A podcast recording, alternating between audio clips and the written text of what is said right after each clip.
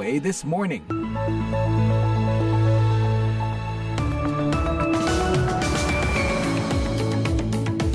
Hai, selamat pagi. Gimana kabarnya? Saya Sharon Sumolang kembali menemani pagi Anda di VOA This Morning, live dari Studio 17 di Washington DC. Tentu saja saya nggak sendirian, saya ditemani produser Bani Rahayu dan teknisi Charleston Mock. Ada keseruan apa nih akhir-akhir ini? Kayaknya lagi banyak film-film menarik ya. Di sini lagi happening film Barbie, Oppenheimer, Sound of Freedom, sampai Mission Impossible. Berhubung udah hari Kamis, sedikit lagi weekend. Udah boleh lah atur-atur rencana akhir pekan. Kira-kira kamu pengen nonton yang mana dan sama siapa nih? Tapi sendiri juga nggak apa-apa loh. Anyway, dalam VOA This Morning edisi Kamis 27 Juli 2023, redaksi VOA sudah menyiapkan sejumlah berita menarik untuk Anda. Setelah 40 tahun, Perdana Menteri Kamboja Hun Sen bakal mundur. Mengapa saya mengundurkan diri? Ini merupakan persiapan awal untuk menjaga stabilitas jangka panjang negara. Juga ada proyeksi pertumbuhan ekonomi Indonesia oleh IMF.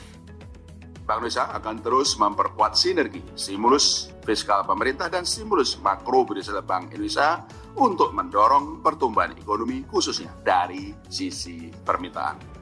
Pendengar, siaran ini juga bisa Anda simak secara live streaming di situs kami www.voaindonesia.com atau mampir ke podcast VOA This Morning di platform podcast langganan Anda. Sekarang, yuk kita simak berita dunia bersama Rifan Dwi Astono. Inilah berita dunia VOA Washington. Putra Presiden Amerika Serikat Joe Biden, Hunter Biden, mengaku tidak bersalah atas dakwaan pelanggaran pajak ringan pada hari Rabu setelah kesepakatan yang sebelumnya tercapai dengan pihak jaksa federal berubah haluan di pengadilan Delaware. Hunter, yang berbagai masalah hukumnya membayangi kampanye pilpres sang ayah, telah mencapai kesepakatan dengan jaksa bahwa ia akan dijatuhi hukuman percobaan atas dua pasal penghindaran pajak.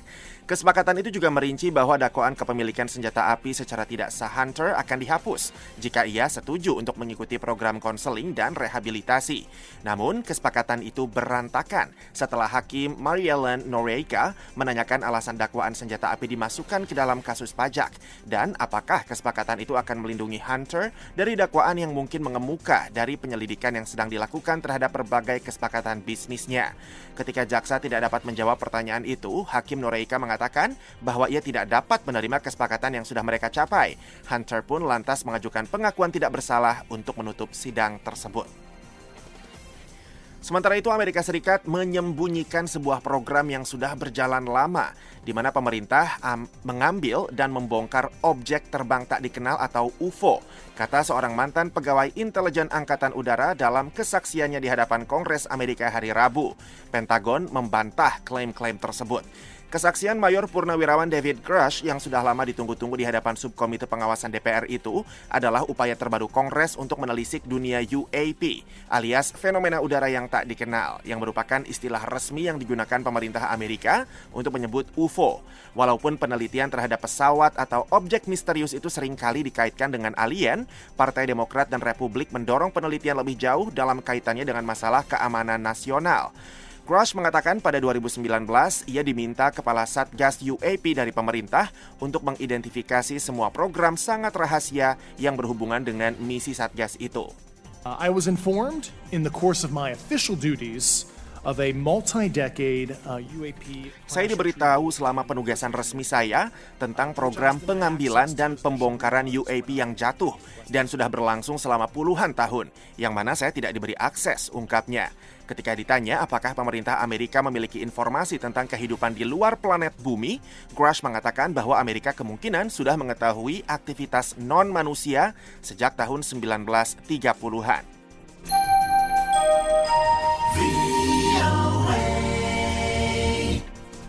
Mahkamah Agung Israel pada hari Rabu mengatakan bahwa pihaknya pada September mendatang akan mendengarkan sejumlah petisi yang berusaha untuk membatalkan undang-undang yang diloloskan pekan ini oleh koalisi parlemen pendukung pemerintahan sayap kanan Israel untuk membatasi kewenangan MA untuk membatalkan undang-undang yang dianggap majelis tidak masuk akal.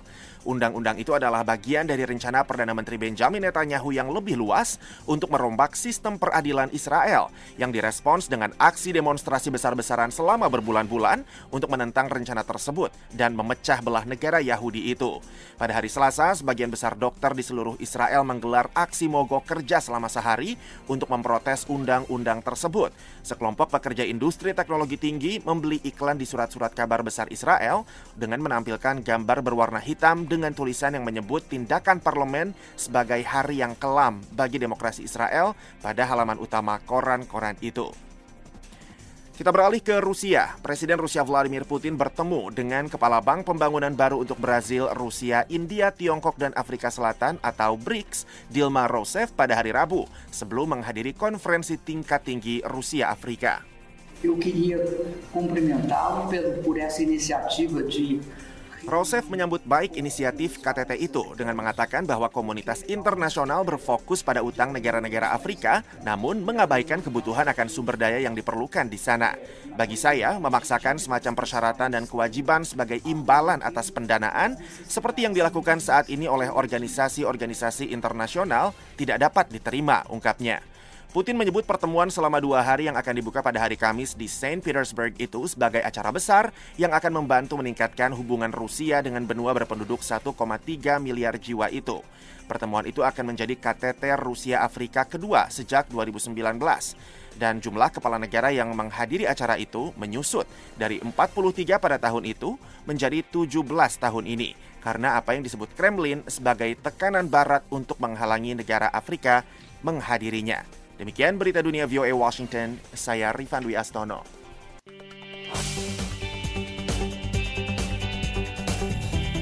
Pemimpin Kamboja Hun Sen mengatakan siap mundur dalam tiga bulan ke depan dan menyerahkan tampuk kepemimpinan pada putra sulungnya Hun Manet. Berikut laporannya. Pendengar secara mengejutkan Hun Sen, pemimpin Kamboja sejak lama yang akhir pekan lalu mengklaim kemenangan telak dalam pemilu, Rabu pagi mengatakan siap mengundurkan diri dalam tiga bulan ke depan sebagai Perdana Menteri dan menyerahkan tampuk kekuasaan kepada putra sulungnya Hun Manet. Hung Manet saat ini adalah Panglima Angkatan Darat Kamboja dan telah memenangkan kursi pertamanya di parlemen dalam pemilu hari Minggu lalu.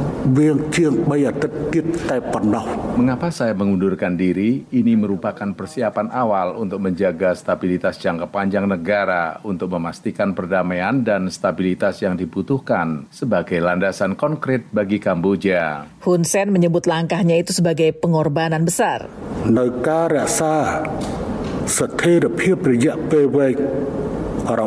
ini merupakan pengorbanan besar saya, tetapi ini sangat berharga untuk memastikan keselamatan rakyat dan sejalan dengan apa yang dilakukan mantan Raja Norodom Sihanouk yang ketika mengundurkan diri juga mempersiapkan kehadiran Raja baru atau Raja kita sekarang ini. 相信啊，一次访一定会 Partai berkuasa di Kamboja, pimpinan Perdana Menteri Hun Sen menang telak dalam pemilu hari Minggu. Negara-negara barat dan organisasi HAM mengecam pemilu itu yang dinilai tidak bebas dan adil dan tekanan terhadap kelompok-kelompok oposisi. Hun Sen yang kini berusia 70 tahun adalah otokrat tangguh yang telah memimpin Kamboja selama hampir empat dekade.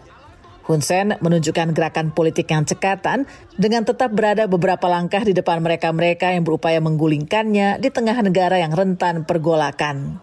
Penulis biografinya Sebastian Strangio mengatakan karakteristik yang membedakan Hun Sen dengan lainnya adalah fleksibilitas ideologi dan politiknya. This is a leader who ruled at the head of a communist ini adalah seorang pemimpin yang memerintah sebagai kepala pemerintahan komunis pada tahun 1980-an lalu dengan sangat cepat membuat transisi ke sistem demokrasi pada awal tahun 1990-an dan sejak itu menunjukkan kemampuan luar biasa untuk tahu kapan saatnya mengalah, menang dan dan melawan guna mengkonsolidasikan kekuasaannya. Ketika perang saudara berkecamuk di Kamboja tahun 1970, Hun Sen bergabung dengan pimpinan Khmer Merah Pol Pot. Ia kehilangan mata kirinya dalam satu pertempuran. Ia menjadi komandan tingkat menengah di negara ultra komunis di mana sekitar 1,7 juta orang tewas karena kebijakan genosidanya. Ketika terjadi serangkaian pembersihan, Hun Sen melarikan diri ke Vietnam, tetapi kemudian kembali untuk membantu tentara Vietnam yang menyerang Kamboja, menggulingkan Pol Pot pada tahun 1979. Menyadari bakatnya, pasukan pendudukan Vietnam menjadikan Hun Sen yang baru berusia 20 tahunan sebagai Menteri Luar Negeri.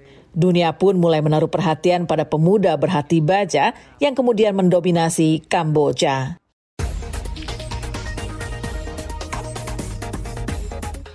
Dalam sebuah konferensi pers bersama Perdana Menteri Malaysia Anwar Ibrahim dan Presiden Filipina Ferdinand Marco Jr. setuju untuk melakukan pendekatan bilateral dalam usaha memecahkan masalah Myanmar. Berikut laporan selengkapnya. Perdana Menteri Malaysia Anwar Ibrahim mengatakan dia dan Presiden Filipina Ferdinand Marcos Jr. yang sedang berkunjung sepakat untuk memperkuat peran ASEAN dalam mengakhiri kekerasan yang dimulai setelah Myanmar mengambil alih kekuasaan dari pemerintahan terpilih Aung San Suu Kyi pada 1 Februari 2021. Kata Perdana Menteri Anwar, We did touch upon uh, Myanmar to strengthen the five-point consensus of ASEAN. Kami menyinggung masalah Myanmar untuk memperkuat konsensus lima butir ASEAN, tetapi juga memberikan fleksibilitas dan ruang kepada negara-negara jiran untuk terlibat secara informal tanpa mengorbankan isu-isu HAM dan perlakuan terhadap minoritas, khususnya Rohingya dan minoritas lainnya di Myanmar. Beberapa negara ASEAN termasuk Ketua ASEAN Indonesia juga Singapura dan Malaysia merasa frustrasi akibat penolakan Myanmar untuk bekerja sama dengan sebuah rencana perdamaian yang disusun pada 2021. Rencana itu menyerukan pengakhiran segera kekerasan dan penyelenggaraan dialog yang dimediasi lewat seorang utusan khusus ASEAN. Presiden Marcos dalam konferensi pers bersama Perdana Menteri Anwar itu tidak langsung menyebut Myanmar, tetapi setuju negara anggota harus bisa memanfaatkan pertemuan bilateral untuk mengatasi isu-isu. We also agree that we can explore not only multilateral not only Kami juga sepakat bahwa kita bisa melacak tidak hanya di jalur multilateral semua isu-isu yang kita hadapi di kawasan, tetapi juga ada manfaatnya kalau kita menggalakkan hubungan bilateral, khususnya antara Malaysia dan Filipina dan mitra-mitra kami yang lain di ASEAN. Negara-negara Barat dan Eropa, termasuk Amerika Serikat, telah memperlakukan sanksi terhadap pemerintah militer Myanmar dan menuntut pembebasan segera, suci, dan tahanan politik lainnya. Lebih dari 3.750 warga sipil, termasuk aktivis pro-demokrasi, telah dibunuh oleh pasukan keamanan dan hampir 24.000 orang ditangkap sejak pengambil alihan kekuasaan oleh militer. Demikian dilaporkan oleh Asosiasi Bantuan untuk Tahanan Politik, sebuah kelompok hak yang memantau angka-angka penangkapan dan korban.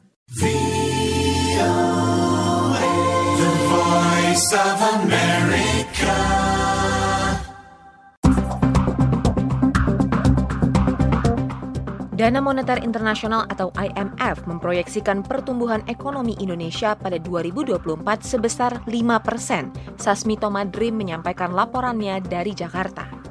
Dana Moneter Internasional atau IMF memproyeksikan pertumbuhan ekonomi global turun dari sekitar 3,5 persen pada 2022 menjadi 3,0 persen pada 2023 dan 2024. Hal ini terlihat dalam laporan IMF edisi Juli 2023. Kendati demikian, proyeksi 3 persen tersebut naik 0,2 persen dari proyeksi IMF pada April 2023 yakni 2,8 persen.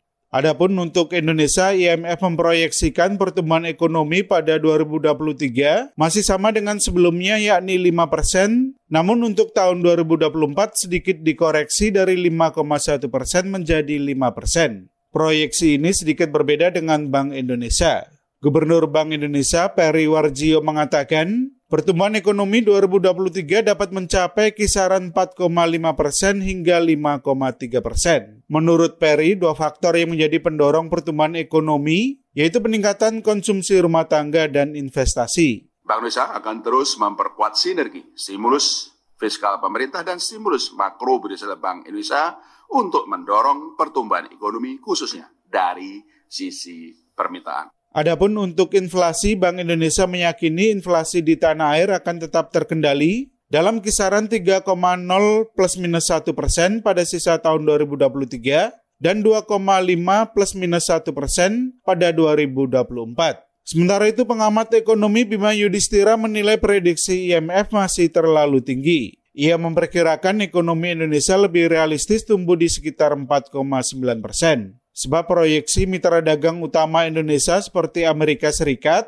Tiongkok, dan kawasan Eropa diturunkan ke bawah. Akibatnya Indonesia dapat terdampak dari sisi ekspor dan investasi. Jadi 4,9 persen, kalau kita proyeksi 2024 itu angka yang lebih realistis dibandingkan dengan angka yang ditawarkan oleh IMF dalam proyeksinya. Bima menyebutkan faktor lainnya yang dapat mempengaruhi pertumbuhan ekonomi pada 2024 yaitu pelaksanaan pemilu 2024. Sebab pemilu juga berdampak pada pola konsumsi dari kelompok masyarakat atas dan perusahaan swasta. Kata Bima, kelompok atas dan perusahaan swasta akan menahan belanja sambil melihat perkembangan situasi yang terjadi di pemilu 2024. Dari Jakarta, Sasmita Madri melaporkan untuk VOA Washington.